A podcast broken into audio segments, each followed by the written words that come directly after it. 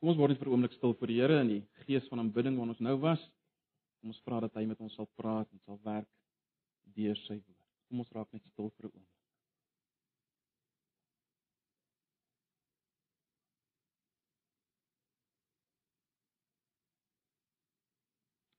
Here, ons kom nou na U toe en ons begeerte is, ons verlange is dat U met ons sal praat. Maak dit stil in ons, U ken ons, U weet waarmee ons besig was in die oggend, ons gejaagdheid. Wat ook al mag gebeur het hierdie week, U ken alles en ons wil maar net nou vra Here dat U dit sal rustig maak in ons deur die werking van die Gees en dat U met ons sal praat. Deur die woord. Here ons bid vanoggend vir elkeen wat nie kan wees nie, elkeen wat siek is, elkeen wat swaar kry in hierdie oggend, dink steeds aan hom man is hulle. Plaas wat U op oggend by hulle sal wees. Hulle sal sterk maak en ondersteun. Ook al die ander, almal binne in, in ons midde, Here wat wat swaar kry en worstel met een of ander iets. U ken ons, Here. U ken ons ons gebrokenheid. U ken ook ons sonde. Here, ons kom nou na U toe en ons verwagting is van U. Kom praat met ons. Ons vra dit in Jesus se naam. Amen. Nou ja, kom ons baie weer na Hebreërs toe. Ons is nou baie amper klaar met Hebreërs. Ons is besig om klaar te maak met Hebreërs. Ehm um, ons is by die laaste gedeelte van Hebreërs hoofstuk 12. En dan is daar nog net hoofstuk 13. Ek weet van julle is ook al klaar in julle selgroepe met Hebreërs. Ons is 'n bietjie agter dalk met die prediking. Hebreërs 12 ek gaan lees vanaf vers 14.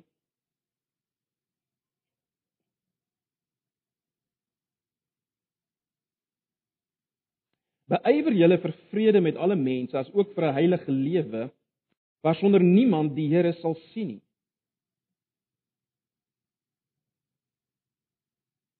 Vers 15 sorg dat niemand van die genade van God afvallig word nie. Sorg dat daar nie verbittering soos 'n wortel uitspruit, moeilikheid veroorsaak en baie besmet nie. Sorg ook dat niemand sedeloos en goddeloos lewe nie soos Esau wat vir een maaltyd sy eersgeboortereg verkoop het. Julle weet dat hy verwerp is toe hy daarna die seun wou verkry. Daar was vir hom geen moontlikheid om die saak reg te stel nie. Al het hy met trane daarna gesoek. Julle het immers nie gekom by 'n tasbare berg met brandende vuur, donderwolke, duisternis, stormwind, trompet geskal en geklank van woorde nie. Hulle wat dit gehoor het, het gesmeek dat geen woord meer tot hulle gerig moet word. Die bevel dat selfs 'n dier wat aan die berg raak met klippe doodgegooi moet word, was vir hulle ondraaglik. So angswekkend was die verskynsel dat Moses uitgeroep het ek sidder van angs. Maar julle het wel gekom by Sions berg en die stad van die lewende God, dis die hemelse Jerusalem met sy miljoene engele by die feestelike samekoms, die vergadering van die eersgeborenes wie se name in die hemel opgeteken is. Julle het gekom by God wat regter oor almal is en by die geeste van die wat vrygespreek is en wat nou volmaak is, by Jesus, die middelaar van die nuwe verbond en by die besprinkelingsbloed wat van iets beters getuig as die bloed van Abel. Pas op. Met hom wat met julle praat, nie afwys nie. Hulle wat hom afgewys het toe hy sy goddelike woord op aarde laat hoor het, het nie ontkom nie. Hoeveel minder sal ons ontkom wanneer ons nie ag slaan op hom wat van die hemel af met ons praat nie. Destyds het sy stem die aarde laat wankel, maar nou het hy aangekondig nog eenmaal sal ek nie alleen die aarde laat bewe nie, maar ook die hemel. Die woorde nog eenmaal laat duidelik blyk dat die geskape dinge wat reeds aan die wankel is, finaal weggeneem sal word sodat die onwankelbare dinge kan bly. Laat ons wat 'n onwankelbare koninkryk ontvang het, dan nou dankbaar wees. Laat ons God dankbaar dien met eerbied en ontzag soos hy dit wil, want ons God is 'n verterende vuur. Net tot sover. Nou broers en susters, ek dink nie ek's verkeerd as ek sê dat baie hedendaagse Christene uh vir my sover as moontlik die woord heilig en die opdrag tot heilig maak. Dit word vir my. Mens kry soms die indruk veral by jonger Christene dat kyk, dis dis nogal heeltemal cool soos hulle praat. Uh dis heel cool om om 'n Christen te wees, maar moet net nie soos die weird ouens wees nie. Die ouens wat die dinge te ver vat. Hierdie ouens wat praat van heiligheid en heiligmaking. Dis die ouens wat bietjie weird is. Hulle vat dinge net eenvoudig te ver. Moet tog net nie soos hulle wees. Kortweg, baie Christene hou nie van die gedagte van heiligheid. Is dit nie so? Hulle hou net nie van die gedagte van heiligheid. Dit voel intimiderend, 'n bietjie vreesaanjaend. Dit voel verseker nie soos 'n voorreg nie, maar 'n plig. 'n Swaarigheid. Heilig, heilig. Nou, broers en susters, ek weet nie ek weet nie hoe jy wat volgende sit voel oor heiligheid en heiligmaking nie.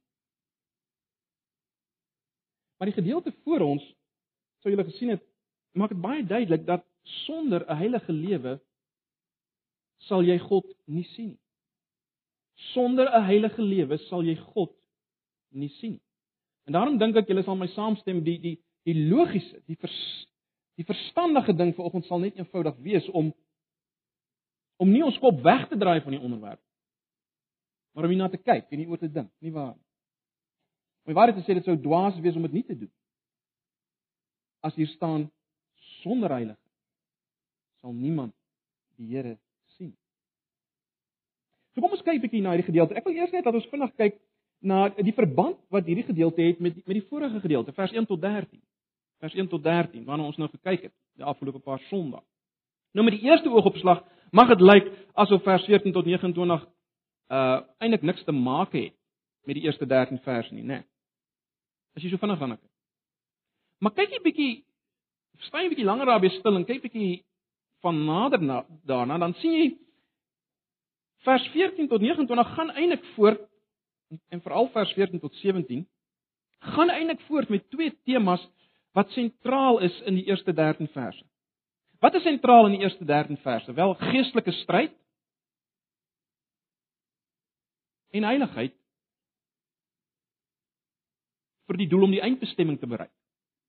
Sê dit weer, geestelike stryd en heiligheid en die die hele kwessie van 'n eindbestemming wat bereik moet word. Dis die twee twee dinge wat sentraal is in die eerste 13 verse. Dis waaroor dit gaan, is dit nie? Onthou julle. Onthou julle in die eerste drie verse gebruik die skrywer die beeld van 'n maraton om die Christelike lewe, die lewe van geloof waarvan hoofstuk 11 praat, uit te lig. Hy gebruik die beeld van 'n maraton vir die as jy wil, die Christelike lewe. En onmiddellik sê daardie beeld vir ons en julle sal onthou ons het daarna gekyk. Dit sê vir ons dat die Christelike lewe gebeur nie outomaties nie.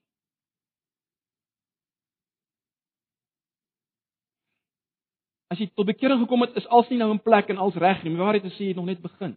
Jy's eintlik nog nêrens. Jy het nog net begin. Dit gebeur nie outomaties nie. En dit sê vir ons hierdie beeld van die wedloop sê vir ons die Christelike lewe is moeilik.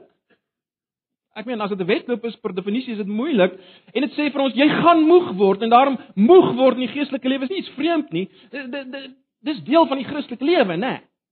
Maar goed, die punt is wat sê dit alles vir ons? As dit nie outomaties is nie en is is moeilik en jy gaan moeg word, wel is 'n stryd. Dis 'n stryd. Dis 'n stryd. En dit gaan oor heiligheid, né? Hoe sien ons dit? Wel, eerstens sal julle onthou die skrywer negatief gesproke sê hy raak ontslae van al die laste en die sonde wat maklik verstrik. Laste, daai dinge wat jy ingedra het in jou Christelike lewe vanuit jou lewe voordat jy 'n Christen was, wat nou nog 'n effek op jou het, dit verdwyn nie net as jy 'n Christen is nie. Ja, jy's vergewe vir alles, maar jy dra nog die dinge in. Daai geïrriteerdheid. Daai meer ensovoorts ensovoorts. Jy dra dit in. Raak ontslae daarvan. En die sonde wat maklik verstrik. Baie van hierdie dinge word maklik sonde. Alles is nie noodwendig sonde nie, maar word sonde. Raak ontslae van die sonde. Dis waar daardie eerste gedeelte gegaan het. En dis dis heiligheid, is dit nie? Dit gaan oor heilig maak. Positief gesproke sal jy onthou nie net ontslae raak van die laste en die sonde nie, hou die oë op Jesus. Hou die oë op Jesus. En dis heilig maak. Die tweede beeld wat die skrywer gebruik het waarna ons uh, gekyk het, beskryf die Christelike lewe, sal julle onthou, as 'n opvoedingsproses tussen God ons Vader en ons as sy kinders. Christelike lewe, lewe van geloof, waarvan hoofstuk 11 praat, kan beskryf word as die opvoedingsproses tussen God die Vader en ons wat sy kinders is. En omdat dit 'n opvoedingsproses is, is daar sprake van dissiplinering. Is daar sprake van dissiplinering? Met alles wat dit behels, dinge wat met ons gebeur wat nie lekker is nie. Wat ons nie kan verstaan altyd nie, net soos 'n kind nie altyd verstaan hoekom sy pa hom nou dissiplineer nie.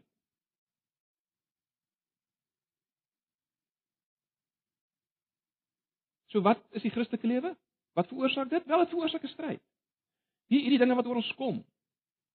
God se dissiplinering maak dat die Christelike lewe moeilik is, 'n stryd.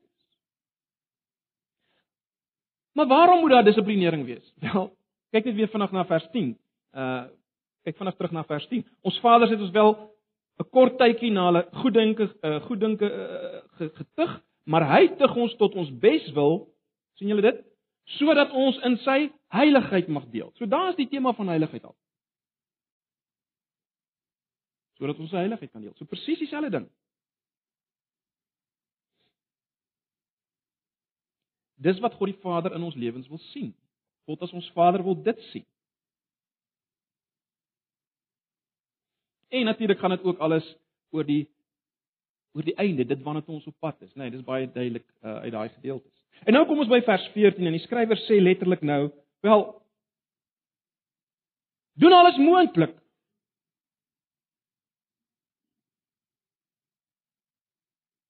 om die vrede na te jag en heilig te wees. Uh, in Engels sou mens kon sê make every effort. Dis sommige vertalings vertaal dit ook so. Doen alles moontlik.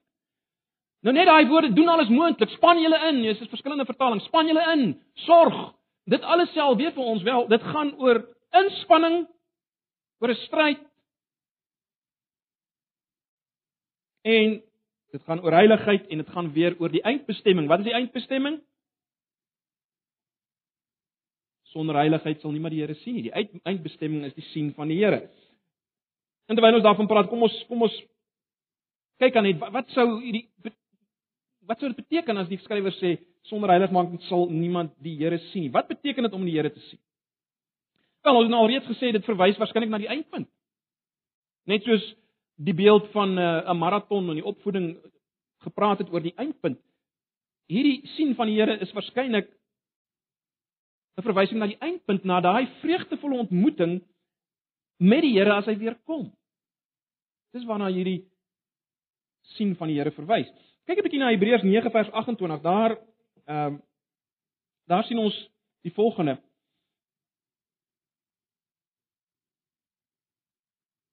Dit bewys dit dit is al in die skrywer se gedagte, hierdie weer ontmoeting met Jesus. Hebreërs 9 vers 28. Soos Christus ook net eenmaal geoffer om die sondes van baie weg te neem, as hy die tweede keer verskyn. Daar's dit. As hy die tweede keer verskyn, kom hy nie in verband met sonde nie, maar om verlossing te bring vir die wat hom verwag. So dis waarvan nie gepraat word. Daardie tweede verskyning. Julle ken almal 1 Johannes 3 vers 2 en 3. Kom ek lees dit net vir julle. 1 Johannes 3. Luister maar net, julle hoef nie noodwendig na te slaan. Geliefdes, ons is nou reeds kinders van God. Dis nog nie geopenbaar wat ons sal wees nie. Maar ons weet dat wanneer Jesus kom, ons soos hy sal wees. Ons sal hom sien soos hy werklik is. Ons sal hom sien soos hy werklik is. En baie interessant in die volgende vers sê Johannes, elkeen wat hierdie verwagting verband met hom koester, hou homself rein soos Jesus rein is. Jy sien, dis die hele gedagte. Dis waaroor Hebreërs hier praat. Oor daardie kom van Jesus en die sien van hom deur die wat hulle self rein gehou het soos Jesus rein. So, dis die sien van die Here. En die punt is baie duidelik, is dit nie? As daar nie heiligheid in jou lewe is nie, proses van heiligmaking, heiligheid albei vertalings is moontlik.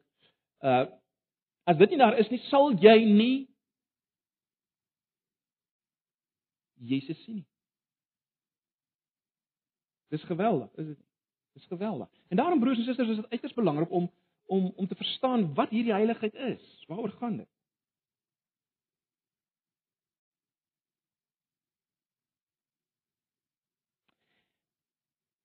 En ek het dit uitgelig aan die hand van 'n paar opskrifte of stellings. En die eerste ding wat ons moet raak sien is dat Die heiligheid waarvan hier gepraat word is nooit individualisties. Dis nooit individualisties. Dit is belangrik dat ons mooi sal kyk wat staan hier in vers 14. Skrywer sê beywer julle of jaag dit na wat die vrede met alle mense as ook 'n heilige lewe waarsonder niemand die Here sal sien nie. Nou, ons is nogal geneig, ons is nogal geneig om om die die eerste deel van hierdie sin amper te ignoreer, is dit nie? Die die jaag die vrede na met almal. Ons is geneig om dit so 'n bietjie op sy te sit en dan fokus ons op die tweede deel. En die heilig maak waarsonder niemand die Here sal sien nie. Maar ons moet raak sien dat die vrede met mekaar en waarskynlik gaan dit hier in die eerste plek oor vrede met medegelowiges binne die gemeenskap van gelowiges. Alhoewel daar ook ander aanduiding is dat dat die Here klem lê daarop dat, dat ons met almal sover as ons kan in vrede moet leef, né? Nee. Maar hoe dit ook al sê, is belangrik dat hierdie vrede is onlosmaaklik verbind met heiligheid. Jy kan twee nie losmaak van mekaar. Terloops is reeds interessant dat as mens nou na vers 10 en 11 kyk, waarna ons die vorige keer gekyk het. Kyk nou gou na vers 10 en 11. In vers 10 het ons gelees: Ons Vaders het ons wel 'n kort tydjie na hulle goeddinke getuig, maar hy tug ons tot ons bes wil sodat ons in sy heiligheid mag deel. En kyk nou na vers 11. Wanneer ons getug word, lyk die tug op daardie oomblik nie na iets om oor bly te wees nie, maar om oor te huil. Later lewer dit egter vir die wat daar deur gevorm is 'n goeie vrug. Vrede. sien julle dit? Baie duidelik, jy kan nie amper verbykom nie dat heiligheid en vrede is amper sinonieme. In vers 10 en 11. Die einddoel waarna toe God ons wil vat met ons opvoeding en dissiplinering, heilige lewe. Die vrug wat hierdie opvoeding gaan bring, hierdie tugtiging is wat? Vrede. So heilige lewe, vrede, sinonieme. En dit het geweldige implikasies, weet dit nie? As heiligheid en vrede broers en susters onlosmaaklik is, dan dan sê dit per definisie vir my heiligheid kan nie in my eie hoekie plaasvind nie, né? Ek is nie heilig as ek vreeslike vrome gedagtes dink as ek besig is met my Bybelstudie nie. Moet my nie verkeerd verstaan nie, daarmee ek maak nie Bybelstudie af of stilte tyd af nie. Dis dis nie wat ek nou doen nie. Maar wat ek wil sê, heiligheid kan nie beperk word tot dit nie. Nie as dit onlosmaaklik verbind is met vrede nie. Hoekom nie? Want vrede het altyd te maak met die toestand tussen twee of meer. Vrede het altyd te maak met die toestand tussen twee of meer. Tussen my en iemand anders of tussen my en meer as een persoon. Nou die woord vrede, ek het nou al baie vir julle gesê, die woord eh, vrede of shalom uh in die Bybel beteken nie net, dit beteken wel dit, maar dit beteken nie net die afwesigheid van stryd nie. Hierdie woord is 'n ryk woord wat beteken heelheid en vreugde en volheid, né? Nee. So heiligheid gaan hand aan hand hiermee met hierdie heelheid en volheid. So heiligheid kan nie net individualisties plaasvind nie en verder meer baie interessant hier, heiligheid kan nie net individualisties bereik word nie, dit moet gesamentlik bereik word. Hoe sien ek dit? Wel kyk 'n bietjie na vers 15. Die skrywer lê hier klem dat ons moet toesien dat niemand van die genade verval nie. Hy sê nie net sorg dat jy nie van die genade verval nie, hy sê sorg dat niemand van die genade verval nie. Ek dink dis min of meer dieselfde gedagte as wat ons kry in hoofstuk 3. As jy miskien net vinnig kan kyk na hoofstuk 3 vers 12. Kyk gou na hoofstuk 3 vers 12.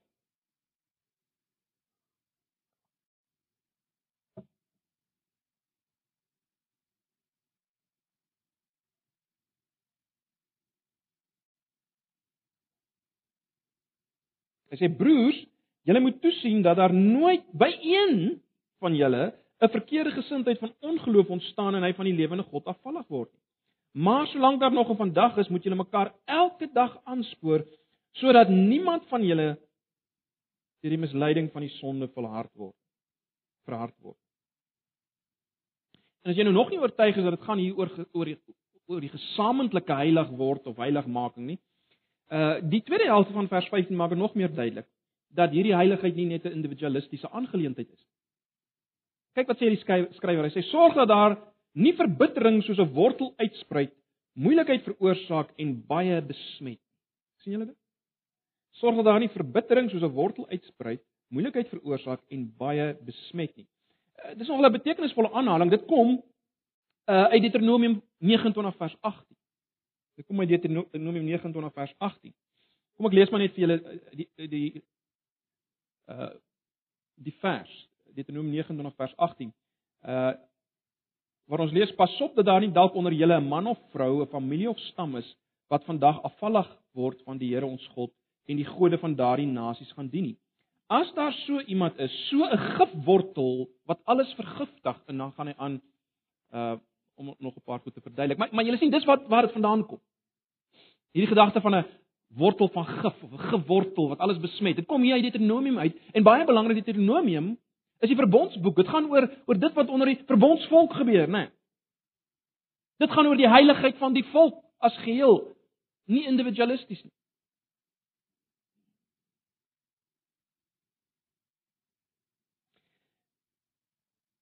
Julle sou sien dat hier sprake is van verbittering, né? Nee, dis waaroor dit hier gaan. Hierdie hierdie hierdie hierdie wortel van verbittering.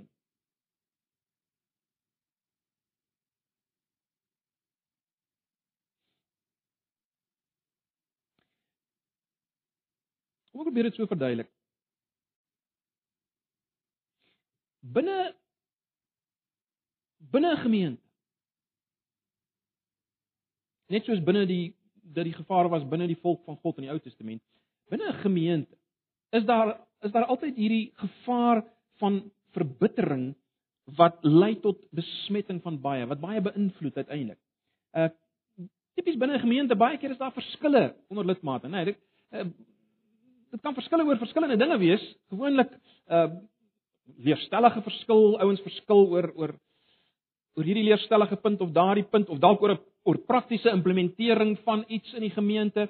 Uh en as daar hierdie hierdie gewellige verskille, maar baie keer is hierdie leerstellige ding wat genoem word waaroor die verskil is is baie keer net 'n dekmantel vir vir verbittering wat diep binne lê. So word geveg en beklei oor iets, maar eintlik is dit nie die oorsaak nie. Binne in hierdie persoon, 'n gegeewe persoon is daar verbittering. Bitterheid. En hierdie bitterheid is dikwels weer die die oorsaak van 'n proses van afvalligheid in jou eie lewe. Jy sien, jy is nie regtig meer daar waar jy moet wees met die Here nie. En jy weet dit, en nou is jy half bitter en nou gebruik jy enigiets om om van die ander broers en susters by te kom uh in die naam van uh ons moet meer suiwer wees en weet jy, hierdie is nie die waarheid nie en dit en so aan. Maar eintlik is daar bitterheid in jou eie lewe. En, en ek dink dis waaroor dit hier gaan. Maar nou, wat is die implikasies hiervan? As dit die saak is waaroor dit hier gaan, wat is die implikasies vir heiligheid en my heiligheid? Want die punt hier is dit, jy is nie heilig as jy onvrede veroorsaak en as daar bitterheid in jou hart is. Dan is jy nie heilig nie. Jy kan jouself nie heilig noem nie. As jy bitterheid veroorsaak tussen broers en susters en as bitterheid in jou hart, Maar hier's nog meer, is nie is nie nie. As 'n gemeente toelaat dat dit gebeur dat hierdie bitterheid ontstaan.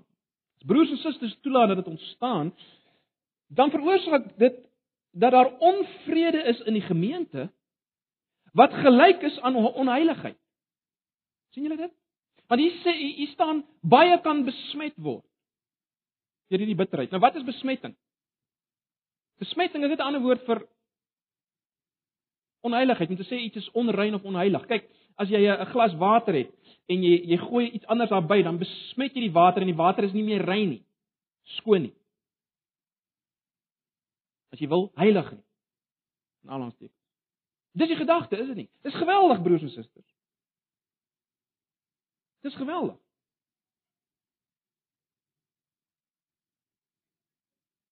Die gemeente raak onheilig. As hierdie bitterheid toegelaat word om te besmet. As daar heen en weer bitterheid veroorsaak word as gevolg van die bitterheid wat uit een persoon uitkom, dan dan dan dan raak die gemeente onheilig. Dis wat dis waaroor dit gaan. En daarom kan ons nou alles sê my heiligheid het te maak met 'n paar dinge. My heiligheid het te maak eerstens met my verhouding van vrede, my verhouding van nie bitterheid met my broers en susters nie. Dis heiligheid. Maar my heiligheid word ook geraak deur die bitterheid en onvrede wat in die gemeente is, want dan is ek deel van 'n onheilige gemeente. Onthou, die gemeente is 'n liggaam met ledemate. As een ly, ly almal. Jy, jy kan jou nie self losmaak daarvan nie. As die vinger seer is, dan is jy seer, dan is die liggaam seer. Jy sien on, onheiligheid raak die hele liggaam. So so My heiligheid het te maak met my eie verhouding van vrede en nie bitterheid met my broers en susters nie, maar ek word ook geraak deur die bitterheid en onvrede in die gemeente waarvan ek dan deel is. En baie belangrik, ek is mede-verantwoordelik en moet sorg dat dit nie gebeur nie. As ek wil heilig wees met ander woorde. As jy verstaan wat ek bedoel. As dit hierdie gesamentlike ding is, dan dan deel van my heiligheid nie net om te sorg dat daar nie bitterheid en onvrede in my hart is nie. Deel van my heiligheid het te maak daarmee dat ek gaan sorg dat dit nie in die gemeente ontstaan. By my broers en susters ontstaan nie. Daar waar ek uh, kan uh, in insaai. Dis waar. Dis heiligheid, jy sien. Dis nie ek en my klein hoekie nie. Dis waar dit gaan. En hier's 'n oproep broers en susters, sorg, moenie dat dit gebeur nie. Doen alles in jou vermoë om dit te verhoed. En en hieroor moet moet elkeen maar prakties dink. Wel, werk eers met jouself, met daai bitterheid in jou eie hart. Bely dit voor die Here, maak dit reg. Maar maar moenie dat dit dat dit ander besmet rondom jou nie. Moenie dit toelaat. Want jy beïnvloed weer hulle heiligheid. En sonder heiligheid sal niemand die Here sien nie. Dis 'n ernstige saak. Jy sien, dit maak saak. Weereens gemeentelewe is belangrik. Dit is belangrik dat jy hier is. Dit is belangrik dat jy sal skouers skuur met jou broers en susters. Dis belangrik. Dis belangrik. Dis belangrik dat daar nie dinge sal ontstaan tussen broers en susters nie. Dis belangrik. So dis die eerste ding wat ons van heiligheid sien. Dis nie individualisties nie. Dit alles te maak met hierdie heelheid van gelowiges.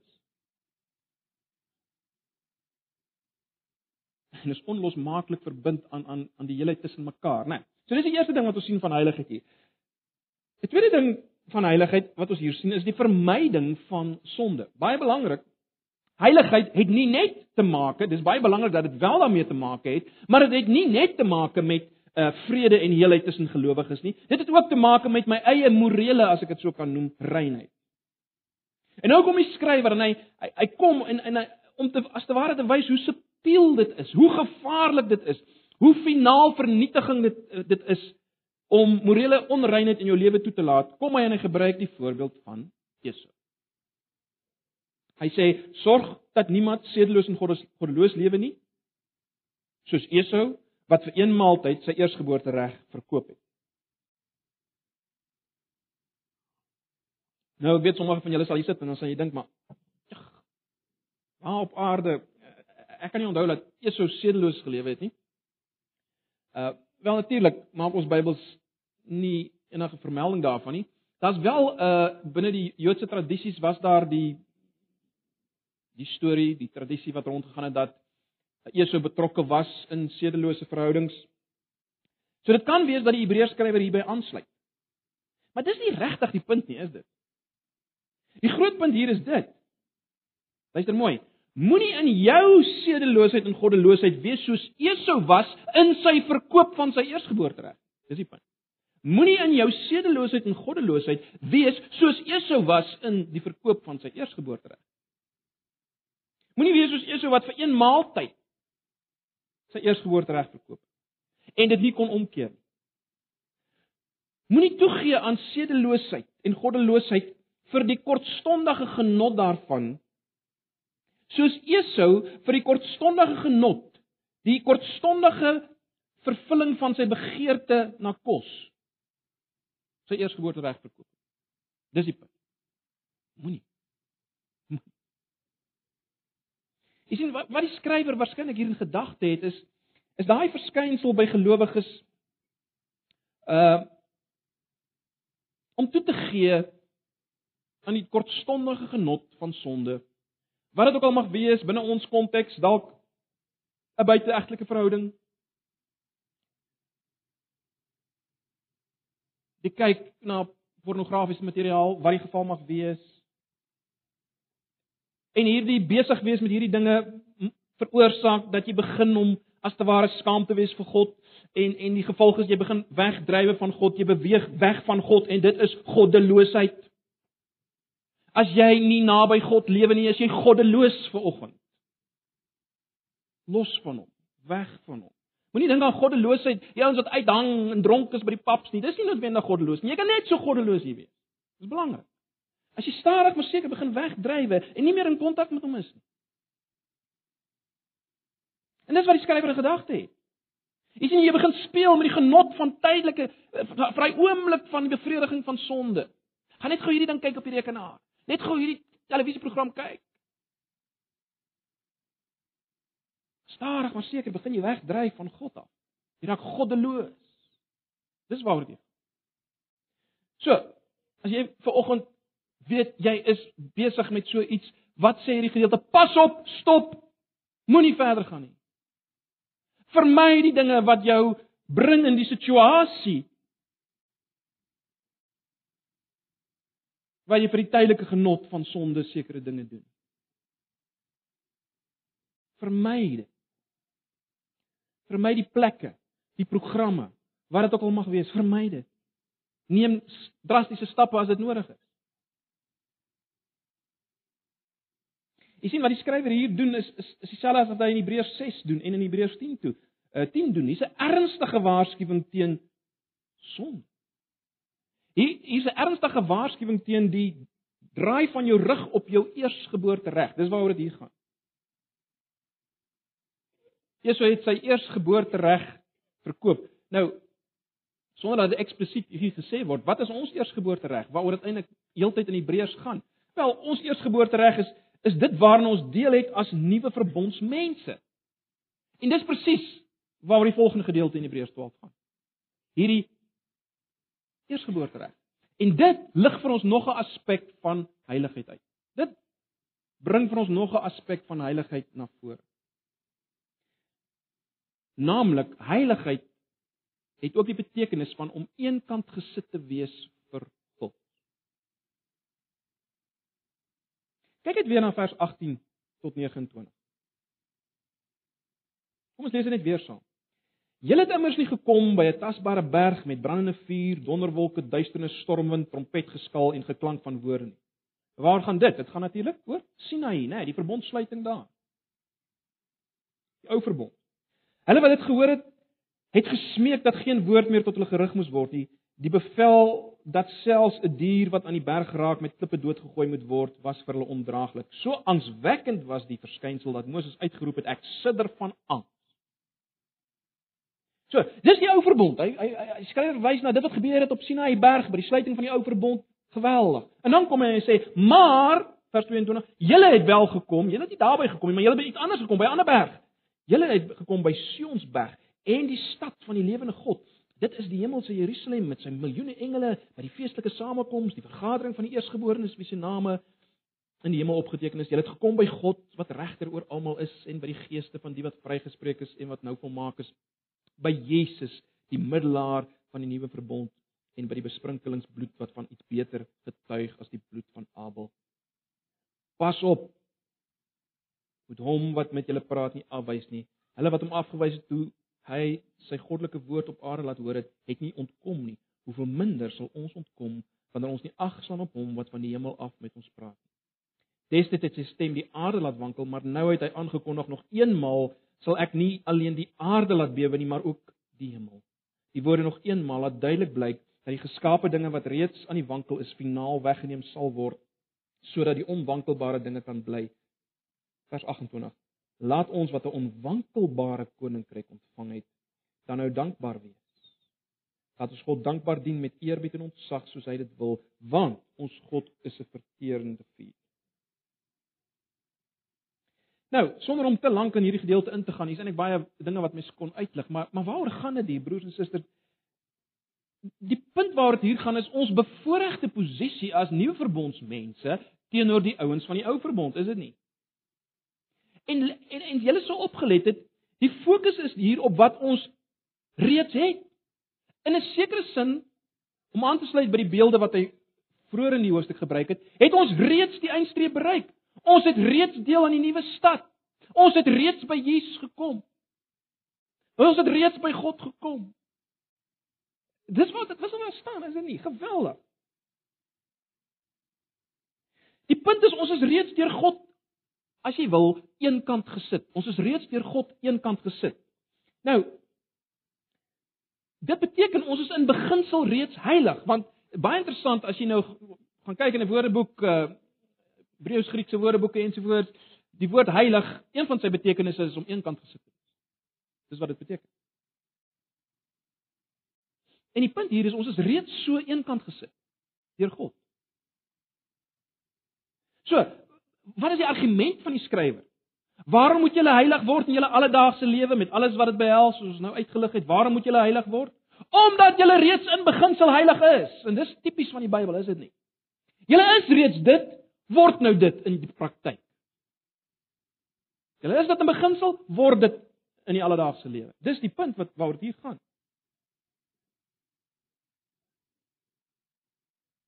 Leef nou in die lig van wat jy reeds is. En let wel, wat jy reeds is en wat jy reeds reeds het, is baie beter as die ou verbond. Baie beter verlossing. Baie meer volkomme vergifnis. Baie meer nabyheid met God ensovoorts. Jy het 'n baie beter posisie. Maar nou, die verrassende is dit.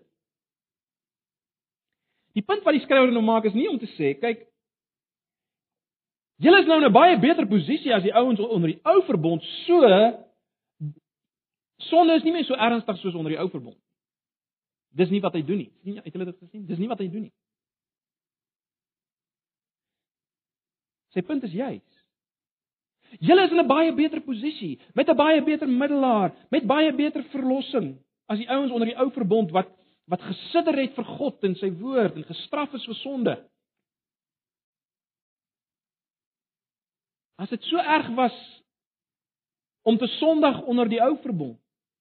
As dit so erg was om God se woord te minag onder die ou verbondsbedeling, hoeveel te meer is dit nou erg? Hoeveel erger is dit nou? Dis wat die skrywer sê.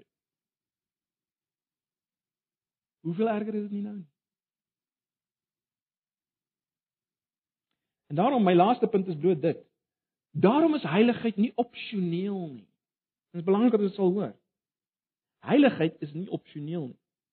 Ons het nou 'n bietjie gekyk na heiligheid en en, en uh, mense kan nog baie meer hieroor sê, ek weet, en baie meer daaroor praat. Wat egter vanoggend baie belangrik is, broers en susters, is dit. Ons moet nou nie hier sit en sê, "Sjoe." Dis nou nogal interessant. Uh hierdie hele saak van heiligheid. Ek het nou ietsie bygeleer wat ek nie heeltemal so gesien het nie. Dit is baie interessant. Ek hoop dis ouens wat nou gaan begin heilig word hier rondom my. Uh ek self wel, ek is tevrede dat ek daarom nou meer weet oor hierdie saak. Dis die gevaar, is dit nie? Broers en susters, wat die die punt wat die skrywer wil maak is dit heiligheid en die najag van heiligheid, die najag van 'n heilige lewe is nie opsioneel nie. Dis nie iets waaroor jy kan besluit as Christen, gaan ek uh, gaan ek een van hierdie heilige Christene wees of gaan ek een van die net die gewone meer cool Christene wees. Dis nie opsie. Dis nie opsie nie. Dis nie opsioneel nie. Daar's nie twee tipes Christene nie. 'n Christen is of heilig of hy's nie 'n Christen nie. Dis die punt. Hy jag dit of na of hy is glad nie op die pad nie. Hy's of daarmee besig of hy's glad nie daar nie. Hy's glad nie in die in die, in die wet loop nie. Dis die punt. Jy sien net soos daar geen Christelike lewe is sonder dat daar 'n wedloop is nie, wanneer ons gekyk het. Net soos daar geen Christelike lewe is sonder 'n opvoedingsproses met tugtiging nie. Net soos daar geen Christelike lewe sonder die najag van heiligheid en vrede. Vrede en heiligheid wat sinoniem is. Dit dit is net nie so iets. Dis die hele punt. Wat ons hier sien broers en susters in vers 28 van Hebreërs 12 is dat heiligheid is eintlik niks anders as die uitdrukking van dankbaarheid vir dit wat God vir jou gedoen het nie. En daarom is dit nie opsioneel ook nie. Jy kan tog nie anders as om dankbaar te wees. Kyk in vers 28. Laat ons wat 'n onwankelbare koninkryk ontvang het, dan nou dankbaar wees. Laat ons God dankbaar dien met eerbied en ontzag soos hy dit wil. Heiligheid is deel van dankbaarheid. Heiligheid is deel van dankbaarheid. Dit is nie opsioneel nie. Dit is dankbaarheid. En dankbaarheid is nie opsioneel nie.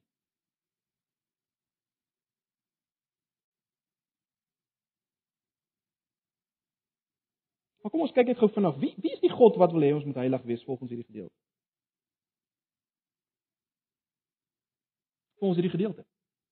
Is die God wat wil hê ek moet heilig wees en jy moet heilig wees? Is dit is is hy 'n ou witbaard man iewers daarbo wat sy kop maar wegdraai as ek iets verkeerd doen en hy sweet onder die mat en hy's net goedhartig, jy weet, hy hy, hy maak nie moeilikheid nie. Hy's net daarbo, hy's nie eintlik betrokke hier nie. Is dit die God waar, waarmee ons hier te doen het? Wel nee, kyk na vers 29. Kyk na vers 29. Want ons God is 'n verterende vuur. Nie hy was 'n verterende vuur nie, hy is 'n verterende vuur. Ons moet dit raak sien. Jy sien die God waarmee ons te doen het is steeds die God waarmee Moses te doen gehad het toe hy in die brandende bos ontmoeting met hierdie God gehad het. Die wonder dat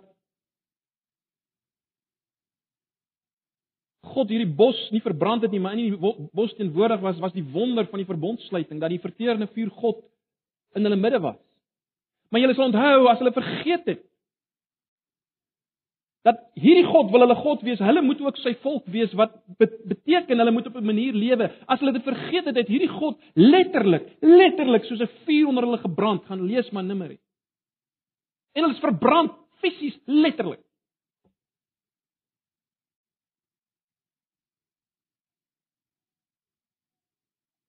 Natuurlik broers en susters.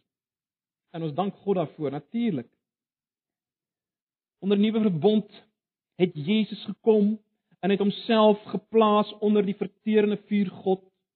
God die Vader het God die Seun met sy verterende vuur oordeel teenoor sonde, my en jou sonde getref. Hy het geen sonde gehad nie. Dis myne wat hy gesien het, wat God gesien het en joune wat God gesien het as hy na Jesus gekyk het.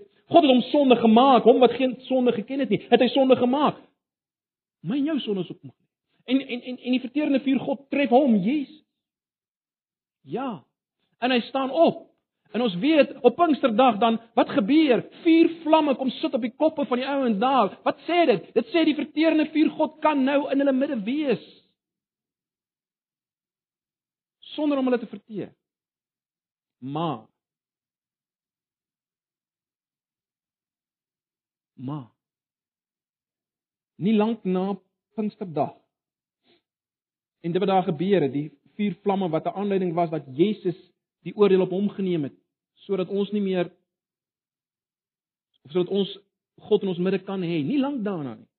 Kry ons die geval van Ananias en Safira. Wat net vir ons wys broers en susters, God het nie verander nie. Jy moet steeds, jy kan steeds nie met hom speel nie. En dis die punt hier. Ja, die wonder is dat ons hoe genaamd met hom kan kontak hê in en deur Jesus. Met vrymoedigheid kan gaan na die troon van genade. Dit waaroor Hebreërs praat. Ons te hoë priester wat medelee het, wat vir ons intree. Ja, ja, ja, maar hy steeds die heilige verteerende vuur God waarmee jy nie kan speel. Dit moes Ananias en Safira af. Dis die punt. En as ons dit verstaan broers en susters, dan kan ons verstaan waarom begin die skrywer in vers 14 sê Jag die vrede met almal na en die heiligmaking waar sonder niemand die Here sal sien.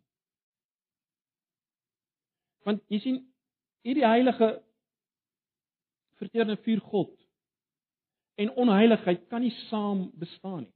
Hy moet dit verteer. En dit is dit is die punt wat geskryf word. Die twee kan nie by mekaar uitkom. En daarom die oproep. Jag dit na. Jag dit na. So om af te sluit broers en susters, kom ons neem hierdie oproep ernstig. Kom ons neem dit ernstig. Hier hier, hier is sprake van 'n onom, onomkeerbaarheid, is dit nie? En ek sou graag vandag vir julle wil sê, ag nee, dit is nie so erg nie. Uh, maar kan nie.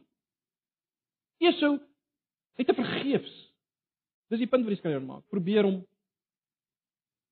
dinge reg te maak. Want jy sien dit gaan hier oor oor iets geweldigs. As jy as jy hierdie ongelooflike verlossing waarvan waarvan vers 18 en verder praat, as jy dit verwerp weer eens, dan dan bly daar niks oor nie. Maar kom ons neem hierdie hierdie gedeelte dan vanoggend as 'n waarskuwing, maar baie belangrik en ek wil julle daarmee los, ook as 'n troos en 'n aanmoediging en bemoediging.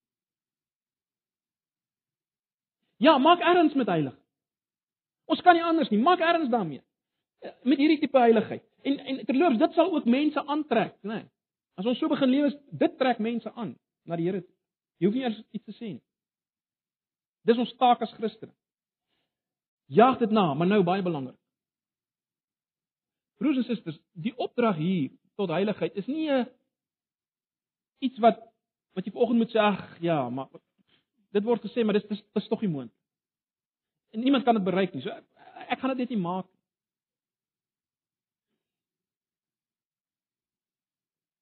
Dis nie wat Hebreërs wil hê ons moet sien nie. Dit sou teen die lyn van Hebreërs in wees. As ons vanoggend vir mekaar moet sê ag dis eintlik dis eintlik nie moontlik nie. Dis dis onmoontlik.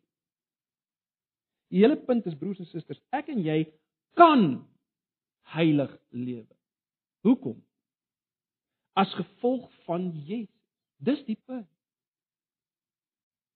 Dis die hele punt. Ons moet dit raak sien. Wie's Jesus? Wel, hy's die heilige by uitstek. Hy was die heilige by uitstek. Terloops, as jy wil weet hoe lyk iemand wat heilig is, kyk na Jesus. As, as jy in jou kop nie duidelikheid het nie en jy wil graag 'n prentjie vorm van hoe lyk 'n heilig, kyk na. Maar baie belangrik, wat wat het ons in die eerste paar verse van hoofstuk 12 gesien? Hy is die begin en volëinder van jou geloof. Dis moontlik deur Jesus. Hy sal jou in staat stel. Dis nie 'n onbereikbare onmoontlike opdrag nie. Hy is die hoofpriester wat vir jou intree. Wat medelee het met jou swakheid. Hy is die een wat jou geloof begin het. Hy is die een wat dit sal volëindig. Hy sal jou help. Hy sal jou deurdra. Hy hy hy is daar vir jou heilig maak. En dit moet ons vat volg. Dit is nie 'n onbereikbare ideaal nie.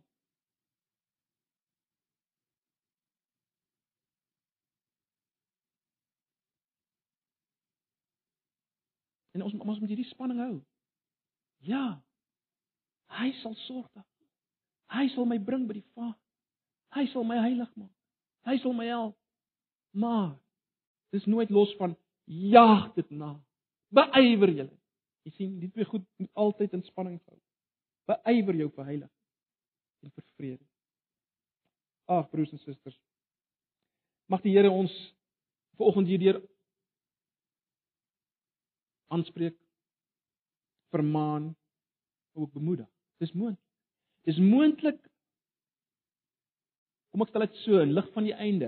Dis moontlik om uiteindelik voor Jesus te kan staan met vrymoedigheid. Nie omdat omdat ek so goed was uiteindelik, uh, ek het beter, ek was beter met hierdie heiligheid ding as die volgende een. Nee, nee, nee. Moet dit nie so verstaan nie. As ek uiteindelik voor Jesus gaan staan en ek sien hom vir wie hy werklik is, van aangesig tot aangesig, die belofte hier, sal ek weet as gevolg van hom.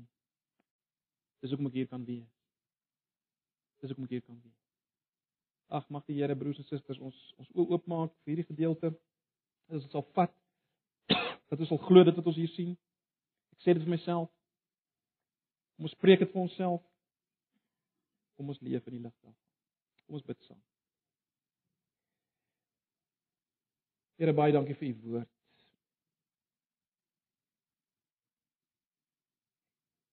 Here ons het volgens geen verskoning dat dit te moeilik is om te verstaan nie.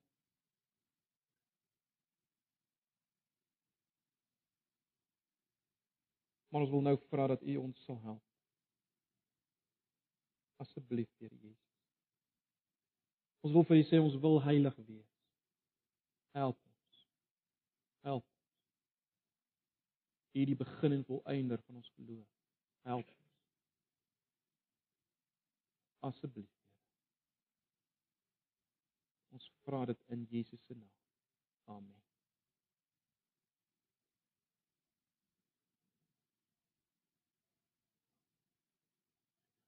Kom ons sluit af met 'n laaste lied.